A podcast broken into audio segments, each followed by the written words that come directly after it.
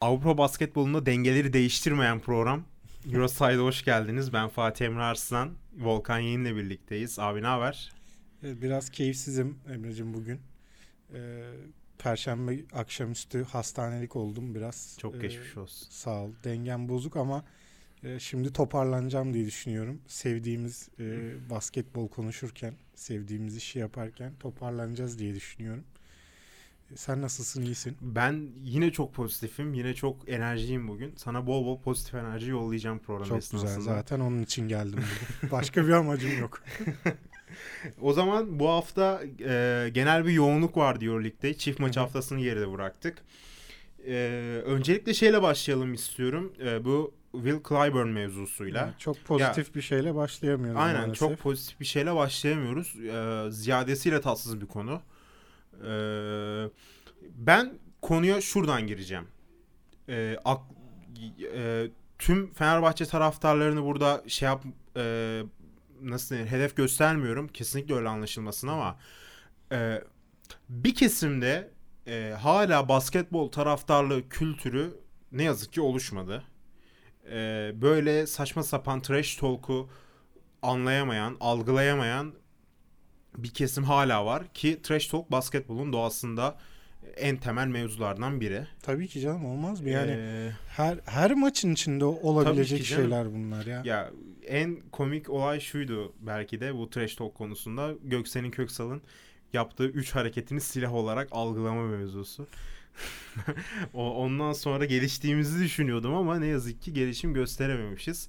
Olayı bilmeyenler için şöyle anlatayım. Ee, bir e, Fenerbahçe taraftarı olduğunu düşündüğümüz bir kişi ki zaten e, Instagram biosunda da Fenerbahçe kongre üyesi yazıyor. Ne kadar kongre üyesi tartışılır. Ya her kongre üyesi yazan kongre üyesi değil ama yani Aynen çıkabilir öyle. bilemiyoruz. Aynen. Ee, Will Clyburn'un eşini e, Will Clyburn'u öldürmekle tehdit etmiş. Kocanın çok bir ömrü kalmadı yazmış. Rusya'da yaşıyorum vesaire vesaire demiş. En sonunda Euroleague konu hakkında açıklama yaptı e, ve o kişinin bütün maçlara girmesini yasakladıklarını açıkladı. Bir kınama yazısıydı daha çok. Evet ne diyorsun abi bu konuda? Ben genel olarak bahsettim olayın hatlarından ama. Ya bu baştan sona derlenilecek bir mevzu. Yani Rezalet. öyle hani e, salağın teki deyip geçilecek bir şey değil. Nerede çokluk orada bokluk mevzusu maalesef e, doğru bir söz. Fenerbahçe'nin çok taraftarı var. Gerçekten çok fazla taraftarı var. Ve herkes ne yazık ki sporun, rekabetçi sporun içinde bu tip şeyler olduğunu, kendi sporcusuna karşı yapıldığında da bunu belli bir olgunlukla karşılaması gerektiğini bil, bilemiyor. Yani bu çok büyük kitleleri olan her e, camianın, her kulübün, her takımın içinde maalesef böyle şeyler oluyor. Yani mesela e, Kızıl Yıldız'da oynarken Alenom için e, yaşadığı sorunları hatırlıyoruz. Müslüman olduğu için falan. Hani bir grup resmen Alenomiç olduğu sürece biz tribüne gelmeyeceğiz gibi bir şey e, manifesto gibi bir şey yayınlayıp e, bayağı boykot etmeye falan başlamıştı. Protesto etmişlerdi bilmem ne. Yani her kitlenin içinde bu tip şeyler olabiliyor. Asıl önemli olan bunun ne kadar yanlış olduğunu vurgulamak üzerine basa basa sürekli söyleyebilmek ve bir şekilde ilerleyebilmek. Yani bu kişileri hep beraber bizim spor sever, basketbol sever olarak bu kişileri bir şekilde eğitmemiz lazım. Ama bunlar olabiliyor. Geçen gün Milwaukee Philadelphia maçı vardı. Seyretmişsindir mutlaka. Sen Philadelphia'lı bir Çok keyifliyim. Evet, e, genç arkadaşımız olarak. Hani o gün mesela e, Yanis Antetokounmpo Simon, Ben Simmons'ın üstünden bir smaç vurdu.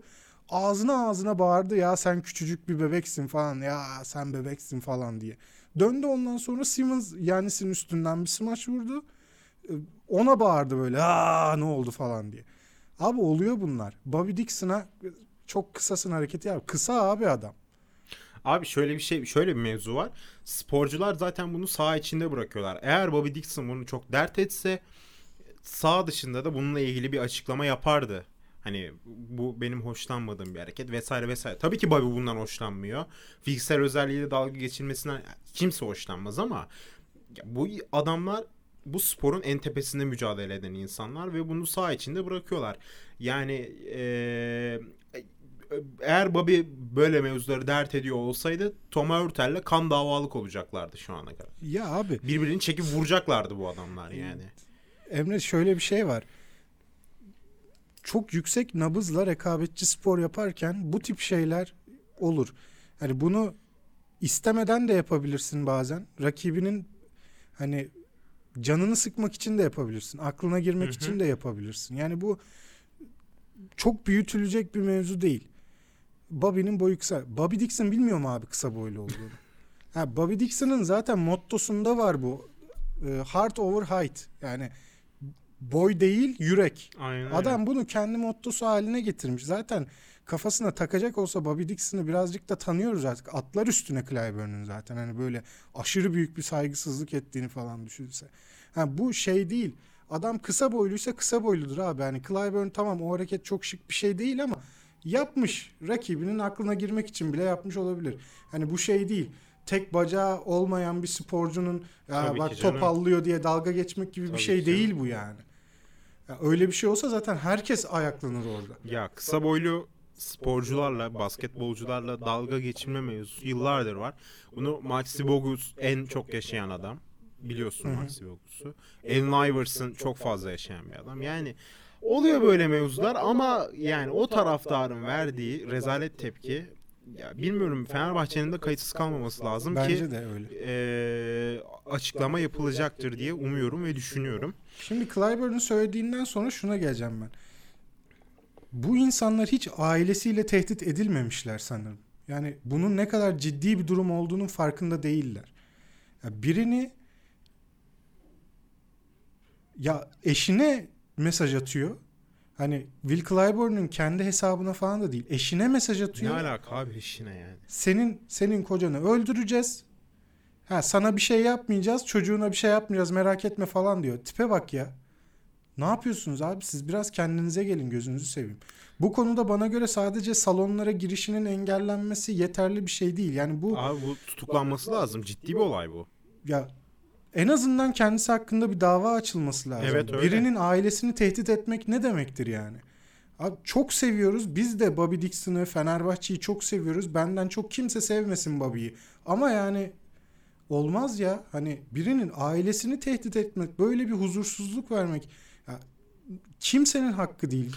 Ve ya bir de e, şöyle bir mevzu var. Kusura bakma. Yok yok. Ee, hem koca bir Fenerbahçe camiasını hem de bütün ülkenin imajını zedeliyorsun bir anda. Şöyle bir mevzu var. Will Clyburn yani Darüşşafaka'da oynamış bir adam. Evet. Ve Türkiye'yi seven de bir adam. Bunu daha önceki röportajlarında belirtmiş bir adam. Yani e, böyle bir adama Türk bayraklı ne bileyim şu Çakırbeyli Family falan böyle bir mafyatik mesaj atarsan ya bu adamın gözündeki bütün yani tabii ki bütün imaj zedelenmez. Bu adam da biliyor bütün Türklerin, bütün ülkenin aynı şekilde olmadığını ama ya mafyacılık oynamıyoruz hocam. Yani ne gereği var? Saçmalık. Ya bir de, de abi, ne oluyoruz ya? ya? Şimdi herkes böyle değil diyoruz ama bir tane olumsuz örnek 100 tane olumludan daha çok göze çarpıyor canım, bu tip konularda. Çünkü çok rahatsız edici bir mevzu. Şeyi hatırlıyor musun bilmiyorum. Ee, ya geçen sene ya ondan önceki sene Trabzon'da oynarken Osiris Eldridge e, bir tehdit almıştı Instagram'dan. Yok hatırlamıyorum. Kötü oynadığı bir maçtan sonra Trabzonspor forması giyiyor. Trabzonsporlu biri Osiris Eldridge'e saymış, sövmüş, öldüreceğim seni, şöyle yapacağım ha, seni. Evet, evet. Falan öyle bir şey vardı yani. Evet. Şimdi bunlar bir tane, iki tane, üç tane derken birike birike bir imaj zedelenir ve abi sen hani önümüzdeki zamanlarda belki e, bu oyuncular atıyorum Clyburn'u Fenerbahçe isteyebilir ya da başka bir üst düzey oyuncuyu istersin adamın aklına gelir der ki mesela Kyle Heinz'i atıyorum serbest kaldı istedin Kyle Heinz der ki ya böyle bir şey olmuştu ben mesela 3 maç kötü oynasam benim de aileme tehdit gelir mi? Düşünür yani bunları Tabii oyuncular. En doğal da haklarıdır. Ya yani bu aşırı rahatsız edici bir şey. Bana göre e, Fenerbahçe'nin de kulüp olarak bununla alakalı e, ciddi bir kınama ve açıklama yapması lazım. Yalnızca Eurolig'in o e, statement yazısı ve salonlara giremeyecek olması yeterli bir şey Euroleague değil. de çok ılımlı bir açıklama yapmış. Yani yine e, organizasyon sev, organizasyon sevecenliğini zedelemeden ılımlı kınama hani böyle sporun birleştiriciliğinden yanayız gibi bir açıklama yani. Clyburn'un arkasındayız demişler. Aynen. Orada da çok bir şey yazmıyor aslında. Aynen. Clyburn'un arkasındayız herhangi bir hukuki konuda. Onun dışında bu arkadaşın da e, bütün e, maçlardan men edildiğini açıklıyoruz gibi Hı-hı. bir şey yani. Ama bence Fenerbahçe'nin de en azından eğitici olması açısından bakın böyle şeyler olmaz bize yakışmıyor gibi hani bu konuyla alakalı bir aksiyon alması gerektiğini ben düşünüyorum. Ya özellikle hani Fenerbahçe basketbol tarafından ziyade Ali Koç'un devreye girmesini istiyorum ben. Çünkü Ali Koç'un hani sporun e, birleştiriciliği, bağdaştırıcılığı, dostluk tarafı e, vesaire bunlara çok eğildiği için hı hı. yani direkt bizzat bu konu hakkında bir açıklama yayınlarsa çok güzel bir jest olur diye düşünüyorum ve söyleyecek bir şeyin yoksa bu konuyu rafa kaldırıyorum. Yani başkan Maurizio Gerardini, Jayko Obradovic yani hepsi bir arada da çıkıp böyle küçük bir bir buçuk iki dakikalık video bile yapılabilir. Ama bu konuyla alakalı bence kulübün küçük de olsa bir aksiyon alması lazım. Kesinlikle. Çünkü sadece kınamak yetmiyor. Kına kına kına bir yerden sonra kınamak işe yaramıyor bu tip kafalarda. Bunları eğitmek lazım. Bunlara doğrunun ne olduğunu göstermek lazım bir yerden de. Ee, böyle bir şey bekliyorum. Umarım Fenerbahçe yetkilileri de e, böyle bir aksiyon alırlar. Diyelim geçelim. Evet. E, o zaman haftanın en başına dönüyorum. Anadolu Efes CSK. E, ne yazık ki yine bir son topta bir ekibimiz mağlup oldu. Ama e, şöyle bir güzelliği oldu. Alınan sonuçlarla birlikte Anadolu Efes playoff'a kalmayı garantiledi ve dün alınan sonuçlarla birlikte dördüncü sırayı garantiledi. Yani Anadolu Efes ev sahibi avantajını aldı. Efes Barcelona'yı yendiğinde almıştı canım zaten. Resmi ev olarak aldı. Avantajını. Evet. Artık yani o matematiğe falan o kadar takılmaya gerek yok. Aynen. Ee, Anadolu Efes için bence çok fazla e, şey ifade eden bir mağlubiyet değil. Yani galibiyet de olsa çok fazla bir şey ifade etmeyecekti. Yalnızca Eurolig'in zirve takımlarına bir mesaj maçı olması açısından Anadolu Efes'in bu maçı önemsediğini söyleyebiliriz. Hı hı. Kafa kafaya da oynadılar CSKA Moskova ile. E, maçın belli bölümlerinde e, Moskova ekibinin üstün oynadığı, farkı açtığı bölümler oldu ama ona rağmen Anadolu Efes Shane Larkin'in patlayıcılığı sayesinde, skor patlayıcılığı sayesinde e, yakaladı ve e, açıkçası talihsiz bir son savunmayla Corey Higgins'e çok kötü bir e, penetre kanalı verdiler. E, o basketle yenildiler. Ve e, son topta savunan adam da Corey Higgins'i James Anderson. Aslında hani fena bir savunmacı değildir ama ayakları epey yavaş kaldı. Ve o koridorda hani Higgins'in al yürü dercesine bir koridorda. O yüzden epey talihsiz sonra da topu çıkaramadılar. Evet bir de iletişimsizlik oldu şimdi. James aynen, Anderson aynen. E, normalde kafası çalışmayan falan böyle bir oyuncu değil. Çok basketbol zekası ee, çok yüksek bir adam James Anderson. İyi de savunmacıdır James Anderson. E, maç eksiği olmasına rağmen muazzam da oynadı. Muerman'ın sakatlığında Hı-hı. 4 numara e, Brock Motum çok aksıyordu. Özellikle savunma tarafında. Ergin Ataman James Anderson'ı 4 numaraya çektikten sonra zaten Anadolu Efes geri dönüşü başlattı. E, yalnız şöyle bir iletişimsizlik oldu. Corey Higgins topu kenardan çıkarttığı için e, sol tarafa yönlenecek gibi oldu. Topu geri alınca mı? Hayır. E, topu Corey Higgins sokmadı mı? Yanlış mı hatırlıyorum şu an? Beni düzelt. Bakmam lazım pozisyona. Ben de öyle hatırlıyorum ama. Corey Higgins topu sokup tekrar aldı diye hatırlıyorum. Hani sola giderken bir anda ben de öyle hatırlıyorum. Higgins sağda bir penetre kanalı buldu. Hani o bazen dengeyi bozabilen bir şey oluyor. Arkadan yardım da gelemedi maalesef. Çok fazla silah olduğu için. Ya o an çok iyi organize olamadı Anadolu Efes. Dediğin gibi iletişimsizlik problemi bir var. Bir iletişimsizlik oldu. Olabilir yani. Böyle tek pozisyonla kaybetmiş olması bence Anadolu Efes için çok yıkıcı bir şey değil.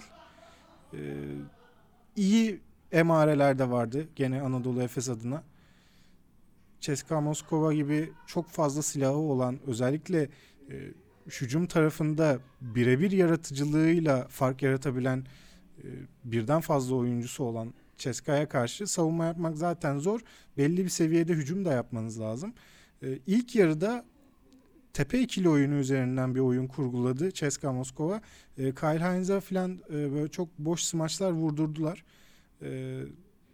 İyi değildi yani Anadolu Efes'in aslında savunması ilk yarıda. Ya şöyle bir şey var. Sözünü bölüyorum. Kusura tabii bakma ki, ama. Tabii ki gir istediğin. Ya e, Muerman'ın sakatlığından sonra hani İsmail Şenol da demişti. Hani ben de e, soyunma odasına erken gitti, dönecek diye düşünüyordum ama yani Muerman'ın sakatlığından sonra ki Muerman şu anda takımın e, yapı taşlarından en önemlilerinden bir tanesi. Hı hı. E, en büyük şarklardan bir tanesi.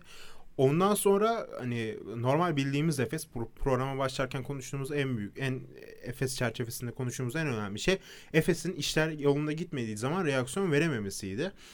E, halbuki Muher ama Muherman çıktıktan sonra takım oraya da bir çözüm buldu. Oraya da bir reaksiyon vermeye başladı. Yani bu her ne kadar Efes maçı yenilse de Efes adına e, artı yazılabilecek e, önemli bir sınavlardan bir tanesiydi. Kim maçı oraya getirmek çok önemli. Ya iyi işaretler vardı Anadolu Efes adına kesinlikle ve e, James Anderson da ben topçuyum dedi. Yani Ergin Ataman Muerman eğer maç kaçıracaksa durumu ne onu şu anda kesin olarak bilmiyorum. Maç Hı-hı. kaçıracak mı kaçırmayacak mı?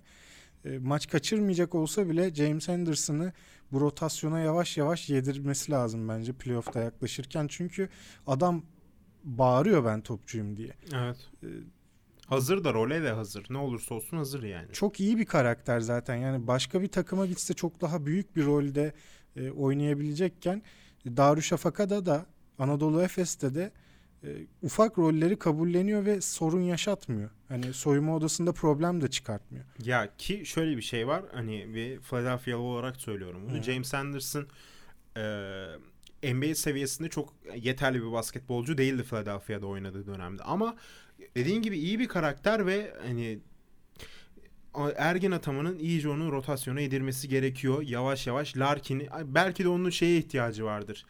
Ee, Larkin'in yaşadığı patlama vardı ya Barcelona maçında. Belki o minvalde tabii ki o, o, o seviyede olmasa da o benzeri bir patlamaya ihtiyacı vardır Ergin Ataman'ın iyice işe dahil etmesi için. Ama James Anderson'dan öyle bir patlama çıkmayacak. Yani ana, ana, oyuncu, orası. ana oyuncu değil çünkü bir de. Evet. Yani yeteneğinden ziyade sen mesela NBA için çok yeterli bir oyuncu değildi dedin. Avrupa için bayağı üst düzey oyuncu James Anderson. Evet. Ya tam o seviyede kalan oyuncular oluyor ya. Yani James San, Anderson öyle. San Antonio Spurs bir oyuncuya yatırım yapıyorsa o o adamda bir şey vardır yani. San Antonio Spurs gel bakalım seni bir görelim deyip boşu boşuna bir sene idman falan yaptırma. San Antonio'dan da geçti James Anderson. Hı hı. E, orada zaten aldığı belli bir kültür var. İyi de bir karakter ya, ve sakatlıkları olmasa James Anderson o seviyede kalabilecek bir adamdı da. İlk işte. sezonunu hatırla. Jalgiris Kaunos'a geldi o ilk. Bildiğin taşıyıcıydı adam. Takımı taşıyordu. Sırtındaydı Jalgiris Kaunos. Ha ne kadar yanındakiler üst düzey oyuncuydu o ayrı mevzu. Ama Darüşşafaka'da da alabileceğinden çok daha küçük bir rol verdi David Platon'a. Sesini çıkartmadı. Kim ki Moskova'da Alexey Shvetshov'un arkasında kalan tayfadan bir tanesiydi. Alexey Shvet ve diğerleri. Ee, yani evet orada Şive'de göre oynamak zorunda kalıyorsunuz. Top pek elinize gelmiyor falan ve orada öyle bir sıkıntı. Şimdi Efes'e geldi. Efes'te de çok rotasyonun içine dahil olamadı. Bu maç belki onun için bir e, moral maçı olmuş olabilir. Evet Efes CSK'yı da kapattığımıza göre ben haftanın en zevkli konularından birine geçmek istiyorum. Alt sıralar acayip kızıştı. Şu anda yani matematiksel olarak 7 takımın da playoff yapma ihtimali var. Ee, bu haftayı da en karlı geçiren ekiplerden bir tanesi Panathinaikos'tu. Hı hı. Ee, özellikle Nick Kalates'in dün ortaya koyduğu absürt bir performans var. Neredeyse triple double'a yakın. 3 rebound da kaçırdı sanıyorum triple double'ı. E, Panathinaikos'un genel durumu Pitino'nun son dönemde e, takımın üstünde kurduğu baskı ve Kalates'in oynadığı oyun. Bu üç konu hakkında ne düşünüyorsun abi? Topu sana atıyorum direkt. Rick Pitino biraz fazla övüldü bence. Dün e, sosyal medyada da baktım biraz. Panathinaikos'un öyle Baskonya'dan falan daha kötü bir kadrosu yok. Tabii ki canım. E, playoff yapacak zaten bu takım. Yapması lazım yani. Ya şöyle bir şey var. Hani Panathinaikos, Olympiakos Baskonya vesaire Bayern'i dışarıda bırakıyorum. Jalgiris'i de birazcık dışarıda bırakıyorum. Ya bu takımların sezon başında yazarken kadrosuna bakınca direkt bunlar playoff takımı diyorsun zaten ister istemez. Yani şimdi bakıyorum şu an dışarıda kalan takımlara. Jalgiris Kaunas, Maccabi Tel Aviv, Bayern Münih, Kimki Moskova zaten alt üçlüyü hiç saymıyorum. Hı hı. Olympiakos var bir tek. Hani Olympiakos beklentinin çok aldığında kaldığını düşünürsek Olympiakos'ta Panatin... konuşacağız zaten. Evet oraya aile... geleceğiz. O, o, o kısma Kıyamet da geleceğiz. kopacak orada birazdan. Panathinaikos zaten Jalgiris, Maccabi, Bayern ve Kimki Moskova'dan kadro olarak bayağı üst düzey kadro. Tabii canım. Bayağı üst düzey demeyeyim de daha yani, iyi kadro. Evet. Zaten bunları geçiyor olması lazım. O yüzden Rick Pitino'yu aşırı övmeye gerek yok. Nick Calates'i övmek lazım. Bu hafta muazzam oynadı.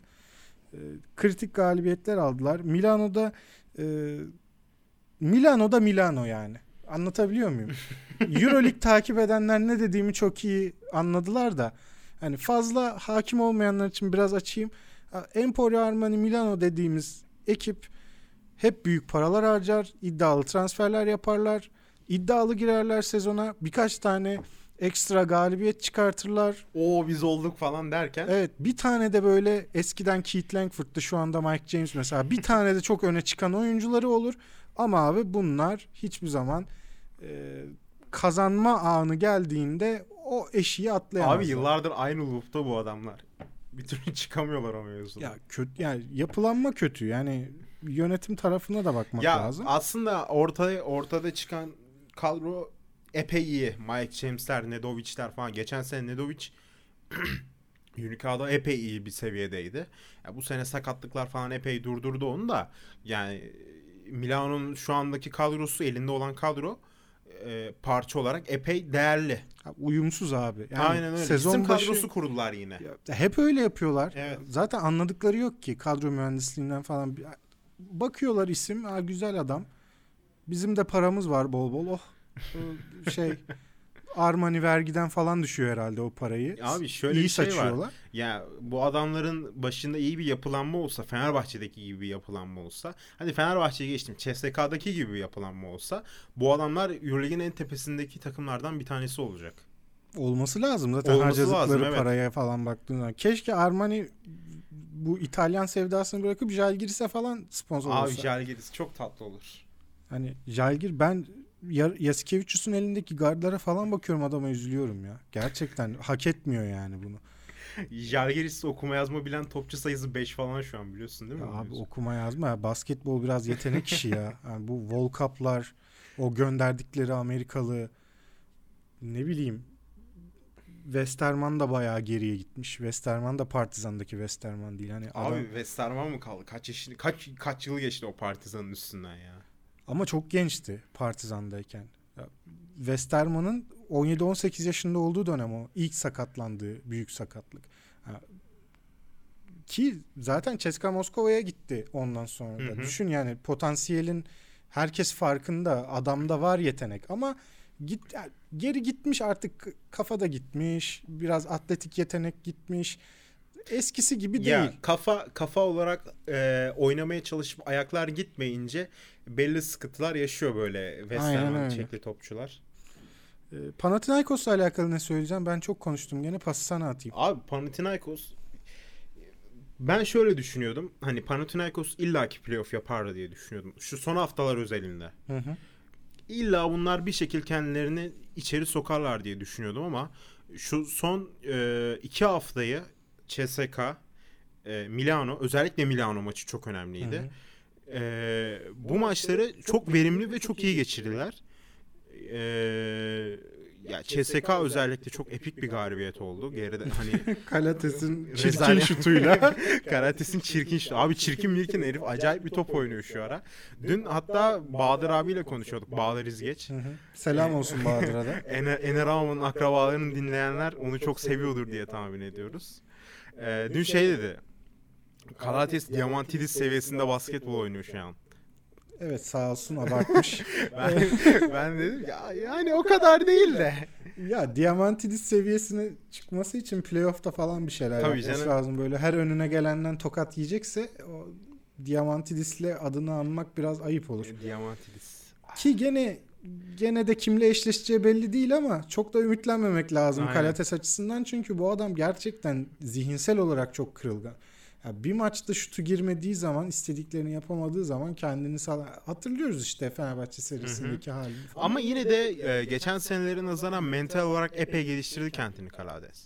Ya epey geliştirse 7. sırada kalmaz abi Panathinaikos. Son dönemdeki oyununa göre bence yine de geliştirdiğini gösteriyor. E, şu an kaybedecek bir şey yok. Evet. Onun rahatlığıyla oynuyor. Evet.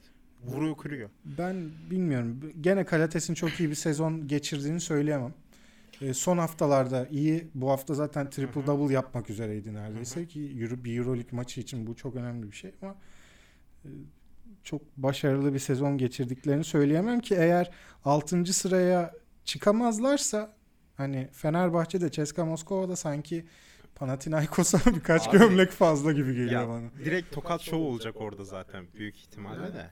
Yani bilemiyorum. Şu, ya zaten alttaki takımlardan hiçbiri e, bu mevzunun alttaki alt sıraların bu kadar sıkışmasındaki mevzunun temel sebebi e, o takımların sezonun ilk yarısındaki savaştığı, ikinci yarısında e, bizim götümüz tutuştu. Bizim top oynamamız lazım diyerek e, Hara'ya göre top oynamaya çalışması. Bu şey yani... mi? Alttan ders bırakan üniversite öğrencisinin son sene. Aynen abi o mevzu direkt yani.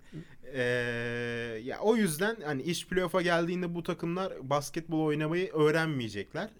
Ya tabii ki basketbol şu anda belli bir seviyenin üstünde hepsi ama ya bunlar tekrar sıfırdan e, o kafa rahatlığıyla başlamayacaklar. Hı hı. Ya yine de dediğin gibi gömlek gömlek üstünde olacak şimdi. Benim bir sorum var sana. Evet. E, Mike James e, 2015-2016 Stephen Curry'sinden daha mı iyi? Ya değil tabii ki. yani tabii ki bu şu iki, soru iki, soru şoka yok, soktu ama şey, 2015-2016 Stephen Curry benim hayatımda gördüğüm en destansı sezon performansıdır bir oyuncudan. Bu seneki James Harden'a kadar bu seneki James Harden daha etkileyici olabilir. 61 attı yine. Evet onu 23 numarada inşallah bir gün 23 e, konuşabilirsek. Numara, tarihe karışan 23 numaramız. Ya tarihe falan karışmıyor. Maalesef denk gelemiyoruz İlkan'la o konuda e, ama bir ayarlama yapacağız inşallah. E, onu da NBA'de konuşuruz. Ee, Mike James öyle bir sezon geçirmiyor. Mike James'in Euroligi domine Tabii ettiği canım, falan yok. İşin şakasındayım ama. Tamam ben senin için söylemiyorum canım hani genel istatistiğe bakıp böyle çok domine ettiğini falan zanneden varsa ya, etmiyor. Özellikle Real maçında ilk çeyrek performansından sonra ben şey dedim. Bu adam büyük ihtimal ee, top dağıtım işini salacak. 40'lara 50'lere gidecek belki diye düşündüm ama yine saldı. Ee, bilmiyorum MVP konusunda en büyük onun önündeki engel yan Veseli'ydi ve Veseli biraz kendi kendine o yarıştan çekilince. Ya Veseli çekilmek zorunda kaldı birazcık. Yani sakatlıktan Aha. sonra. Ya ama şöyle bir mevzu var MVP konusunda. Ee, eğer Olimpia Milano playoff yapamazsa playoff yapamayan takımın bir oyuncusu da MVP olmalı mı? Peki şöyle diyelim o zaman. Mike James ve Veseli'yi bir kenara bırakalım. Senin Hı-hı. başka bir adayın var mı? Abi gözüme çarpan bir aday yok şu anda benim. Bu ikisinden başka. Ya Senin var mı? Corey Higgins'ten başka böyle evet, Higgins aklıma var. kimse gelmiyor açıkçası.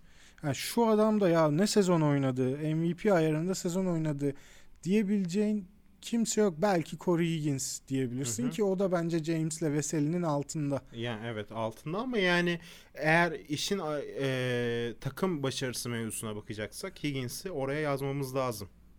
Tabii ki takım başarısına bakacaksak zaten Higgins'i James'in de üstüne yazalım. Tabii ki. Ee, yani e, sence peki Olympia Milano playoff yapamamış gibi konuşuyorum şu an. Yapamamış gibi tamam. Ee, Mike James playoff yapamayan takımın bir oyuncusu olarak MVP olmalı mı? Bence olmamalı. Bu Milano takımında olmamalı. Çok kötü bir takım olsa bu. Mesela hı hı. sallıyorum. Kimki Moskova gibi bir takım olsa bu seneki Kimki Moskova'dan mesela Şived'i çıkar James'i koy son anda playoff'u kaçırdı o takım. Hı hı. O zaman alabilir bence. Çünkü Kimki Moskova kötü bir takım. Kalitesi yeterli. Milano'nun kalitesi playoff yapmaya yeterli. Eğer sen sürükleyici olarak kalitesi zaten playoff yapmaya yeterli bir takım playoff'a sokamıyorsan hı hı. bana göre MVP olmamalısın. Benim tercihim o yönde. Sen nasıl düşünüyorsun? Ben de tamamen senin gibi düşünüyorum. Ya tamam istatistiksel olarak acayip bir sezon geçiriyorsun. Euroleague e, tarihine geçen bir performans ortaya koyuyorsun. Ama e, ya bak şimdi hani dedin ya Mike James Buduşnos'ta oynuyor olsa hı hı. ve playoff yapamıyor olsa dersin ki tamam hani bu adamın kadrosu malum ama çok iyi bir sezon geçirdi. Hani şey yapalım birazcık göz ardı edelim. Ama e, Olimpia Milano'nun harcadığı paraları, kurduğu kadroyu elindeki e, mevcut kaynakları düşündüğünde ya bu adamlar playoff yapamıyorsa burada oturup birazcık düşünmen gerekiyor. Ya öyle tabii ki. Nasıl ki koça kadroyu yapan yönetime e, suç bulunursa e, bu tip bir durumda e, takımın abi sürükleyicisine de birazcık suç bulmak lazım yani. Ya, tamam çok skor atıyorsun ama çok da verimsiz atıyorsun. Mike Mike kardeş yani biraz da kendine çeki düzen var. Eminim ki bizi dinliyordur. Tabii ki kesin dinliyor. maç başına hani 30 top atarak her maç 20 sayı da atar insan. Tabii. O değil mevzu bahis. Yani bir takımı sürüklemek yalnızca istatistik yapmaktan ibaret değil. Hı hı. Ee, belli seviyede liderlik yapıyor bunu kabul ediyorum. Kırılma anlarında çok sorumluluk alıyor. O konuda mesela Wilbeck'in falan fersa fersa önünde adam. O konuda hakkını Tabii yemeyeyim. Wilbeck'ini de en ince açıdan gene gömdüm fark Abi, ettiysen. ya bak Wilbeck'ini çok seviyorum. Geçen seneki Darüşşafaka'dan sonra da, acayip bir Darüşşafaka sempatizanıyım bu arada. Ben ben her herkese sempatizanım burada. Sen, Neden? Ben herkesi seviyorum. Tam bir sevgi pıtırcıyım Aynen ben. sevgi pıtırcığı. Ya zaten yüzünü de görseniz dersiniz bu adam kimseden nefret etmez yani.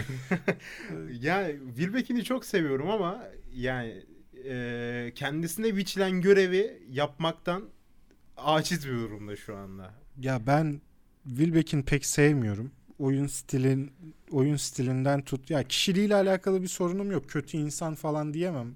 Hı hı zaten kötü insan olsa bile niye kötü insan diyeyim. Yani, beni basket, abi. Bizi, beni basketbolculuğu şey ilgilendirir de hani ona biçilen roller yani mesela Vanamaker'ın bile top alamadığı günler elinden Darüşşafaka'dayken e şimdi e, Maccabi Tel Aviv'de takım tamamen onun etrafına yapılmışken gösterdiği şu felaket performans ve İlk geldiği günden beri, beri, ilk gördüğüm günden beri ısrarla söylediğim abi bu adam boyalı alana girdiği zaman hiçbir şekilde bitiremiyor. Bu adam nasıl boyalı, takım bak, sürükleyecek? Boyalı, boyalı alana girdiği anda e, dengesini kaybediyor adam. İnanılmaz bir dengesizlik hakim oluyor. Yani e, şu an kollarımı görmeyeceksiniz biliyorum ama yani kollarını şöyle böyle bir açıp ya, top fotoya fırlatıyor direkt. Ya bir tane eğer tam çemberin karşısındaysa böyle düzse çembere Hı-hı. doğru böyle floater bir atışı var. Onu, evet. Bir tek onu yapabiliyor. Onun dışında herhangi bir açıdan sağ elle, sol elle, e, savunmacının üstünden, altından, yanından, ters turnike falan. Yani bu tip bir rep, e, repertuarı çok kısıtlı o Ve konuda. Ve şöyle bir konu var. Geçen sene e, Darüşşafaka'nın işte şampiyon olduğu Euro Cup sezonu boyunca Wilbeck'in öne çıkan bir özelliği vardı. O da şu e, Wilbeck'in ritmi yakaladığında ki sezon boyunca acayip ritimli oynadı. Hı hı. Ritmi yakaladığında saçma sapan atışları sokabiliyor. Euroleague'de Yuyun yaptı. Hı hı. NBA'de Curry'nin yaptı. Tabii ki Curry seviyesinde sokamıyor ama ya belli bir seviyede dengesiz atışları sokabiliyor. Üçlük çizgisinin gerisine. O... Ama e, Maccabi'deyken bu sezon Yuyun şey Yuyun diyorum. Wilbeck'in gündeme gelen ne öyle bir atışı oldu, ne öyle bir performansı oldu ne bir liderlik kimliği ortaya koyduğu oldu. Emre niye biliyor musun? Tamamen geride kaldı. Neden biliyor musun? Neden? Euroleague'de oynuyor çünkü. Abi Euro Cup'la Euroleague arasında ciddi fersa, bir seviye fersa farkı olduğunu evet. kabul etmek lazım. Şimdi Euro Cup'ta çok destansı maçlar oynadı. 40 attığı işte 9 tane üçlük soktuğu falan maçlar oldu eyvallah. Hı hı. Ama Euro Cup orası. Bak az önce söyledik ya James Anderson hakkında. NBA için yeterli değil ama Avrupa için üst bir seviye Hı-hı. diye. Eurocup için çok fazla üst bir seviye. Aynen. Ama EuroLeague'de liderlik etmek için altta bir altta kalıyor. Ya ben ben bu adamı alayım Eurocup performansına göre etrafına takım yapayım diyorsanız çok büyük risk yani. Al işte elinizde patladı yapamıyorsunuz. Ya Maccabi için Maccabi şeyi düşündü büyük ihtimalle. Bunun hani e, EuroLeague tecrübesi de var. Ligde de, Euroleague'de de belli bir seviyenin üstüne çıktı falan filan öyle düşündüler. Ya Euroleague'de belli bir seviyenin üstüne çıktı derken şimdi yanında Vanamaker'la e, oynamak var. Ki James o kadro oynamak var. İşte yani hani iyi de bir kadro Darüşşafaka'nın o kadrosu. Hocam David Blatt. Yani koç David Blatt ki David Blatt Euro Cup'ı kazanırken de o ona müthiş bir ortam sağlamıştı. Yani Wilbeck'in o kadar rahat hissetmesini sağlayan da David Blatt'tı biraz. Evet. Hem Wilbeck'in Blatt'a çok güveniyordu hem Blatt Wilbeck'ine aşırı güveniyordu. Hazır Blatt'i açmışken Olympiakos'a mı atlayalım? Olympiakos'a atlayalım diyorum. Yine Bled için bana kara geceler. Aynen öyle abi. Bled için yolun sonuna geldik mi? Gran Canaria mağlubiyetinin ardından. Ya bir kere Gran Canaria mağlubiyeti değil, Gran Canaria hezimeti oldu. Rezalet bir performans. 90-67 bitti maç. Gran Canaria'ya karşı 70 sayının altında kalmak bu seviyede bir takım Geçen için. hafta Olimpia Milano ile mi oynamışlar? Aynen onlar? Milano maçında da Hadi rezaletti. bak bak Milano karşındaki yine bir ismi var. Milano'ya karşı belli bir sayının altında kalıyorsun ama karşında ligin en kötü kadrolarından bir tanesi var. En kötü savunma takımı var ya. Evet abi nasıl yani? Nasıl nasıl olabiliyor abi? Yazın o kadar yatırım yapıyorsun. Bak şey konuştuk. Takımın içinde iki tane yapılanma var. Bunu konuştuk ama şu anda pro- asıl problem bu değil. Bana yani oyuncular oynamak istemiyor. E, Blade'in e, kenardaki tepkisizliği malum. Blade hiçbir reaksiyon gösteremiyor takımına. Takımını ateşleyici hiçbir şey de yapamıyor. Takımda e, acayip bir liderlik problemi var. E, ne olacak abi? Nereye gidiyorsunuz siz? Siz ne yapmayı planlıyorsunuz?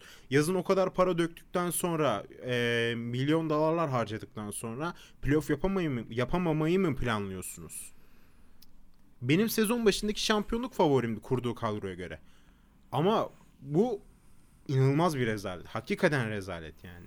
İşte bazen isim isim baktığında çok göze hoş gelen kadrolar maalesef Evet. bir araya geldiğinde birbirini bir şekilde tamamlamıyor. Yani ben iyi olacağını düşünmüştüm bu kadronun. Sebebi de David Blatt'ın başına gelmesiydi açıkçası.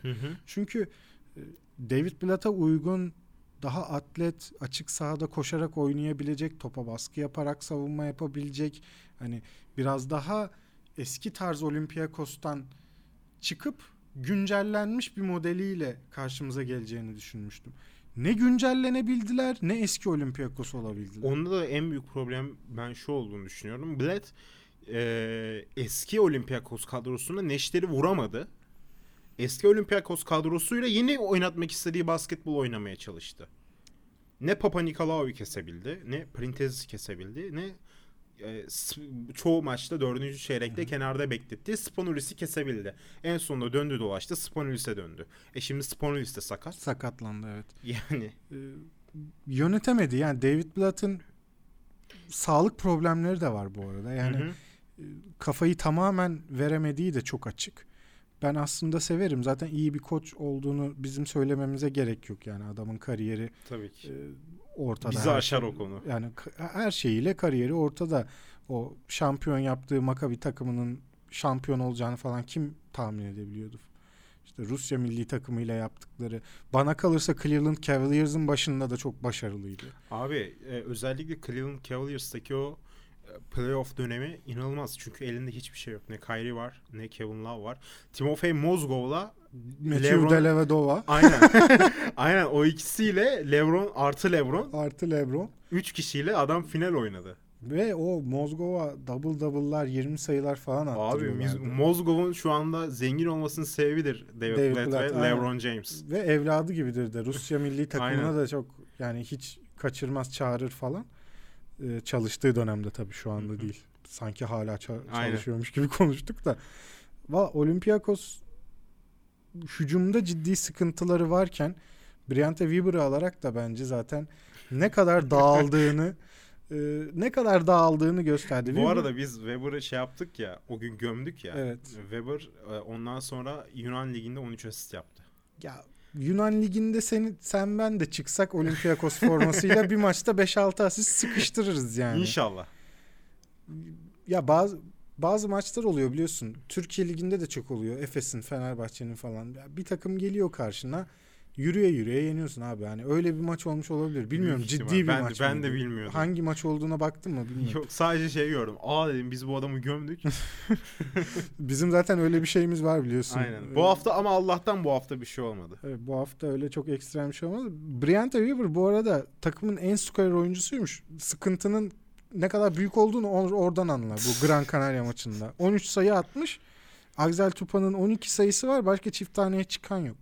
Zaten 67 sayıda kalmışsın. Ki Nikola Milutinov da çok iyi bir sezon geçirirken böyle e, sıkıntılar yaşıyor. Milutino ko- kaç kurtar kendini abim şuradan. Valla o, NBA'ye. onun hakları San Antonio Spurs'da evet, değil mi abi? Evet. Ben öyle biliyorum. Jakob Pödl kadar oynar abi gitsin. Aynen Gidebiliyorsa Jakob Poeltl kadar oynar. Ya da Ya Lovern kadar oynar. ya da Geoffrey Laverne kardeşim teşekkürler sana tekrar San Antonio'da başarılar. Gel kardeşim Fenerbahçe Beko. Of. Ee, olabilir ya da Anadolu Hiç- Efes'in yeterli bütçesi olacaksa Ee, mesela Tibor Plyce teşekkürler abi. Biz Dunstan'ın arkasına 20 dakika 20 dakika oynatacağız bunları. Milutinov alıyoruz diyebilirlerse alsınlar. e, bilmiyorum bütçe e, son memleketin ekonomik durumlarından sonra ne olur ama e, abi düşünsene Veseli Milutinov. İnanılmaz olacak. Muazzam. Eyvah eyvah. Eyvah eyvah. Rakip takımın pivotu olsam maça çıkmam. O tip Valla bir ikili yani. pivotlar aslında fena değil ya. Eurolig'in iyi takımlarında iyi pivotlar var. Tavares mesela bu sene çok iyi oynadı. Hı hı. Gustavo Ayon fena fena değil. E, Ceska Moskova'da Kyle Hines var. E, o da üst düzey bir pivot. Brian Yani ne Dunstan kadar ne kadar Heinz eski performansında olmasa da hala üst düzey bir oyuncu yani. Bir de şöyle bir şey var. Bu kadar fazla topla oynayan skor öncelikli oyuncunun oyuncuyu taşımak kolay bir şey değil. Heinz taşıyor. Kyle Hines taşıyor abi. Herkül gibi sırt var adamda. Koyuyor Dekolo'yu, Sergio Rodriguez'i, Clyburn'u sırtına taşıyor. Will Clyburn atletik falan bir oyuncu ama savunma farkındalığı çok düşük mesela. Onun arkasını falan da toplamak gerekiyor. Yetişiyor Kyle Hines oralara. Her yere yetişiyor. Ya o konuda çok özel bir adam. Hücum tarafında da kendini çok geliştirdi. Bana göre artık e, topu yere vururken kendine daha çok güveniyor. Çember çevresinde daha iyi bir bitirici. E, şut atamıyor hala ama çok zaten ondan şut atması da istenmiyor. Gayet iyi pivotlar var yani. Milutinov var mesela şu an Olympiakos şeyin dışında playoff resminin dışında e, sakatlanmadan Gudaitis. önce Gutay, Gudaitis e, muazzam oynuyordu. Sarchevski. Tarçevski'yi ben pek Yani sevmiyorum ben da severim onu. fizik çok fizikli. Hı hı. Şey Brandon Davis, Jalgiris mesela Tabii. dışarıda o da çok üst düzey bir pivot. Ee, bayağı pivot var hani o konuda EuroLeague sıkıntı çekmiyor da EuroLeague'in problemi birazcık e, yaratıcı kısa oyuncu konusunda sıkıntı var. E, onunla da en çok sıkıntıyı çekenlerden bir tanesi Fenerbahçe Beko. Evet, gelelim Fenerbahçe CSK'ya. Ben ben nasıl baş- ara pası attım ama çok yakaladın iyiydi. mı onu? Vallahi çok iyiydi. Ben diyordum tam bu konuya nasıl geçeceğiz falan buradan. Çok iyi arabasıydı. Evet, konuya gelelim. Şöyle bir mevzu oldu. Aa, bu maç izlenmez mi diyeceksin ama inanılmaz yoğunluk oldu. Aha. Ve e, abartısı söylüyorum saat 8.30'da bilgisayar başına geçtim. Saat 12.30'da falan kalktım. Öyle bir yoğunluk oldu. E, özeti izledim, yorumları okudum. Buradan bir kanıya vardım. Şu- sadece şunu söyleyeceğim, pası sana atacağım ondan sonra. E, Fenerbahçe'de geçtiğimiz hafta şeyi konuşmuştuk. Takım skor anlamında kısır kaldığında bir oyuncu bütün takımı ate- ateşleyebiliyor, harekete geçirebiliyor. Bu Barcelona maçında geç- yaşanan olayın tamamen özetiydi. Hı hı. Ama bu maçta yine skor olarak Fenerbahçe geride kaldı ve e, Dixon yine bir şeyler yapmaya çalıştı. Takımı ateşlemeye çalıştı ama ne Guduric, ne Gigi, ne Eric Green tamamen pasifize kaldı. Hiç e, bir reaksiyon gösteremedi ve durum bu. Yine kafa kafaya geçen bir maç ve Hı hı. e, kaybedilen bir maç. Artık sezonun bu raddesinden sonra tabii ki bir katkı yapılması imkansız hale geldi. Eric Green'den mi çıkacaksın da yeni birine kontrat vereceksin falan filan. Bu mevzular çok absürt. Yok, e, bu saatten sonra olmuyor şeyler zaten. zaten. E, eldeki malzemeyle artık devam edilmeye çalışacak. Diyorum topu sana atıyorum. Çok kötü bir maçtı bir kere ya. Ben hastaneden çıkıp eve gelip seyrettim falan zaten pek kendimde de değildim. Sonra bir daha baktım gerçi. Kötü maç bir kere. Baştan sona kötü maç. Çok agresif iki tane agresif takım mücadelesi yüksek. Hani Real Madrid Barcelona maçı için demiştim ya Spor Toto Süper Lig derbilerine benziyor diye. Yani bu da biraz onu o kadar o kadar değildi ama bu da biraz onu andıran bir maçtı. Sulukas'la Veseli çok pasif kaldılar. Şimdi sen Guduric'den, Eric Green'den, Datome'den bahsettin. Tabii On- canım onları da konuşmamız lazım. onlara geleceğim ama şimdi Sulukas'la Veseli bu takımın iki taşıyıcısıysa ki öyle. Böyle bir maçta bu kadar pasif kalmıyor olmaları lazım. her rakip Veseli'nin üstüne oynuyor artık. Veseli bunu Veseli'nin buna alışmış olması lazım. Ceska Moskova da yine Veseli'yi sinirlendirmek, zihinsel olarak maçın dışına itebilmek için onun üzerine biraz oynadı. Ama Veseli artık bunu aştığını göstermişti bize zaten sezon başı. Veseli'nin pasifliği bence o Ceska'nın benim üstüme oynuyorlar, beni kızdırıyorlardan ziyade oyun akmadı. Veseli devreye giremedi. Çünkü uzun oyuncu ne yaparsa yapsın bir şekilde hücum akıcılığını gardlar ve kısalar oyunu yön, oyuna yön veren oyuncular belirler. Ceska Moskova şöyle bir şey yaptı. Her rakibin Fenerbahçe Beko'ya yapması gerektiği gibi ikili oyun oynarken hücum organize ediyorsun. İkili oyun oynuyorsun tepede mesela. Orta sahaya kadar ittiler toplu oyuncuyu.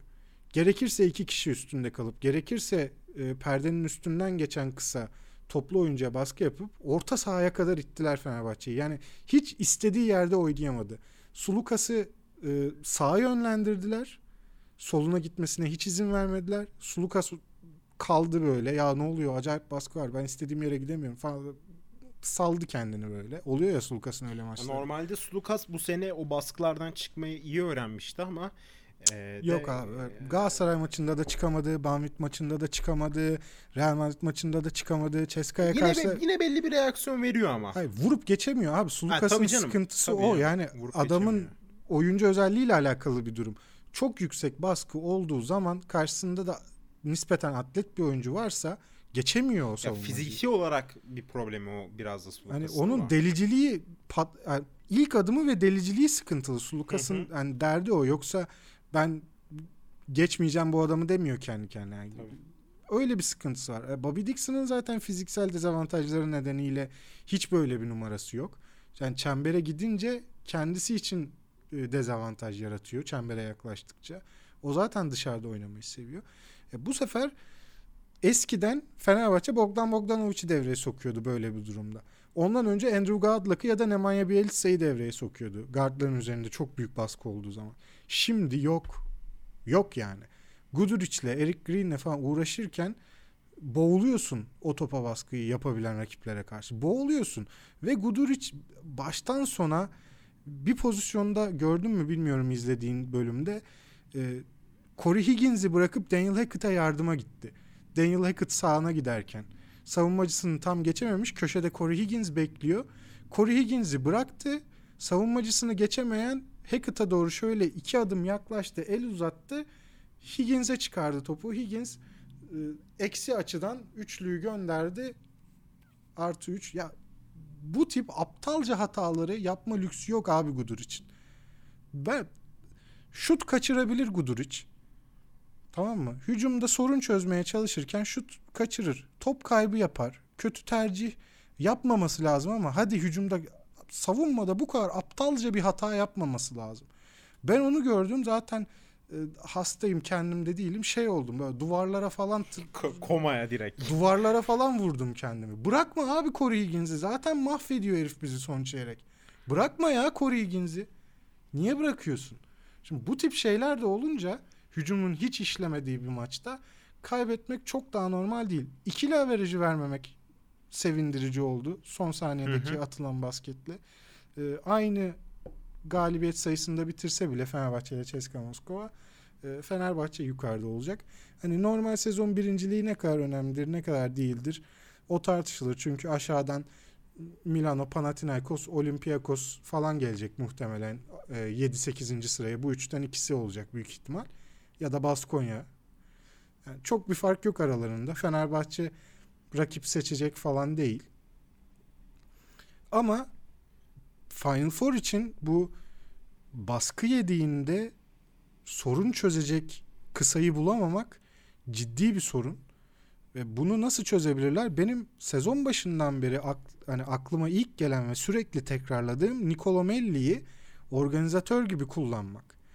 Çünkü Nicolomelli gerek alçak postta gerek e, yukarıda tepede topu aldığında kısa oyuncu gibi oyun yönlendirebilen oyun zekası yüksek çok iyi pasör ve e, aynı zamanda çembere de gidebilen eğer karşısında e, geçebileceği bir savunmacı varsa çembere de gidebilen bir dört numara. Hani Veseli Melli ikili oyunu hiç kullanmıyor Fenerbahçe. Eskiden Bielitsa Veseli ikili oyununu sürekli oynardı. Sürekli oynardı. Melli ile hiç yapmıyor Fenerbahçe. Bunun sebebi nedir? Bilmiyorum. Obradoviç tercih etmiyor. Bana göre bu tip maçlarda en azından böyle ekstra çözümler denemek lazım. Yoksa Final Four'da gene tıkanır kalırız. Yani Bobby Dixon olmasaydı Hı. 55 sayıda falan kalacaktı Fenerbahçe büyük evet. ihtimalle. Yani Dixon saçma sapan bir, bir iki tane şut soktu. O görmüşündür haftanın hareketi Aynen. seçildi mi o bilmiyorum da. Aynen. Kurbanov'dan blok yiyecekken sağa kaçırıp taş atar gibi böyle attı basket oldu falan. Şimdi Bobby Dixon'ın sihir yaratmasına kalmamalı Fenerbahçe ayarında bir takım. Bobby Dixon'ın sihir yaratmasına kaldığında da belli bir reaksiyon vermesi gerekiyor. Tabii ki bu performanslar e, günlük hı hı. her zaman Fenerbahçe'nin yaşayacağı türden bir problem değil. İlla ki bir üç kişi çıkmasa bile bir kişi çıkıp reaksiyon verebiliyor.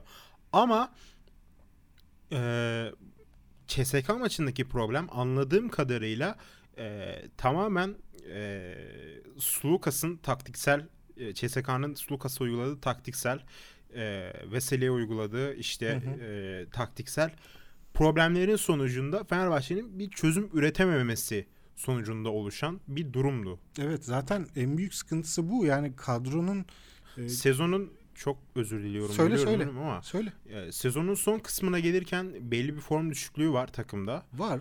Bence ee, çok da normal bu arada. Çok normal. Rehaveti kapılabilirsin. Bu çok normal. Ama e, özellikle büyük rakiplere karşı e, yine de ben e, belli bir reaksiyon göstermemizi isterdim. Özellikle şu son Real ve CSK maçlarından sonra. Tabii ki Final Four playoff'lar çok farklı oluyor ama e, taraftarın da memnun olması için bir şey e, Twitter'da yine şöyle bir e, şey gördüm yani genel olarak şöyle bir yargı var. Aha biz yine kaybedeceğiz. Yine şampiyon olamayacağız. Yine rezaletiz. yine, Final Four oyna da şampiyonluğa yine, bakarız ya. ya. Ben bu kafayı kademe kademe kademe kademeye bakmamız lazım. Çünkü hem Obradovic hem oyuncular e, böyle düşünüyorlar. Ya ben bu kafayı anlamıyorum. Her sene EuroLeague şampiyonluğu kazanan takım var mı? Mümkün mü böyle, mümkün mü böyle bir şey? Aa imkansız ya. Hatta bunu yani iki senede bir, üç senede bir yapmak bile inanılmaz zor. Ee, hani Obradovic'in Panathinaikos'la yaptığı şeyi gerçekten sürekli sürdürülebilir bir şey olduğunu zannediyor insanlar. Değil. Yani o çok özel bir dönemdi. Çok özel bir kadroydu. Obradovic zaten çok özel bir koç. Ama o kadar kısa süreye o kadar şampiyonluk sığdırmak yani sürdürülebilir bir şey değil. Hani Obradovic gelsin burada da kazansın 8 senede 4 şampiyonluk falan. Yani kolay şeyler değil bunlar. Fenerbahçe her sezon Final Four yapsın. Her sene şampiyonluğun en büyük adaylarından biri olsun. Bu taraftarı memnun etmeli. Ha. Memnuniyetsizlik var abi. Fa- biraz şımarıklık var. Şımarıklık. Evet şımarık. Fazla şımarmamak Kullanmak lazım. istemiyordum bu kelimeyi Şimdi ama. bu rakiplerin de şey değil yani. Ee, Çemiş Gezek Spor falan değil. Ceska Moskova ile Real Madrid'le işte Anadolu Efes'le Barcelona ile vesaire vesaire rekabet ediyorsun. Karşında da rakip var. Ee, her sene şampiyon olacağız diye bir şey yok. Final Four'a gitsin bu takım her sene elinden gelenin en iyisini yaptığını bilelim. Ben mesela bir taraftar olarak buna bakıyorum. Şampiyon oldu takım mesela 2017 şampiyonluğu evet kendimi kaybettim. Muhteşem bir şey. Keşke her sene olsa. Ama zor her sene Final Four yapsın ve Final Four'da elinden gelenin en iyisini yaptığını göreyim ben takımımın. O bana yeter. Ha orada artık günlük performans işin içine giriyor. Biraz şans faktörü işin içine giriyor. Bir sürü değişken var. Ya bu kadar da ya gene kazanır, gene şampiyon olamayacağız falan gibi fazla şımarık tavırlara da girmemek lazım. Diyelim ee, ve noktalayalım çünkü yine bir saati devirdik. Devirdik mi? Güzel evet. konuştuk. Vallahi kendime geldim. Vallahi. Çok güzel oldu. Normal biz ilk başta ilk programı dinledim geçen. Ee, hafif kasılmışız ama şu son iki haftadır normal arkadaş muhabbetine dönünce iş ben çok mutlu oluyorum. Programdan çıktıktan sonra enerjim de yüksek oluyor. Epey keyif alıyorum yaptığımız işten. Evet ben de öyle. Zaten geri bildirim de gayet iyi. Programla alakalı bana e, ben sorduğumda ya da bana gelen e, yorumlarda e, geri dönüşler de gayet iyi. umuyorum daha da iyi olmaya devam edecek. En son kapatmadan önce şunu söyleyeceğim. Bu Clyburn meselesini lütfen böyle şakaya vurmayalım ve yani bu kişi ciddi bir olay bu. Ciddi bir olay ve bu kişiye destek veren falan da çok böyle insanlar çıktı Olmuş sosyal mu? medyada. Ya evet o bu konuyla hakkında konuşurken ya o da Bobby'ye kısa boylu yapmasaymış falan. Hayır abi. Bu ama bunun içinde ama kelimesi yok yani. Geçmemesi Bu lazım. yanlıştır. Katiyen tartışılamaz bir şeydir ve e, şu örneği verecektim unuttum en başta sanıyorum söyleyeyim.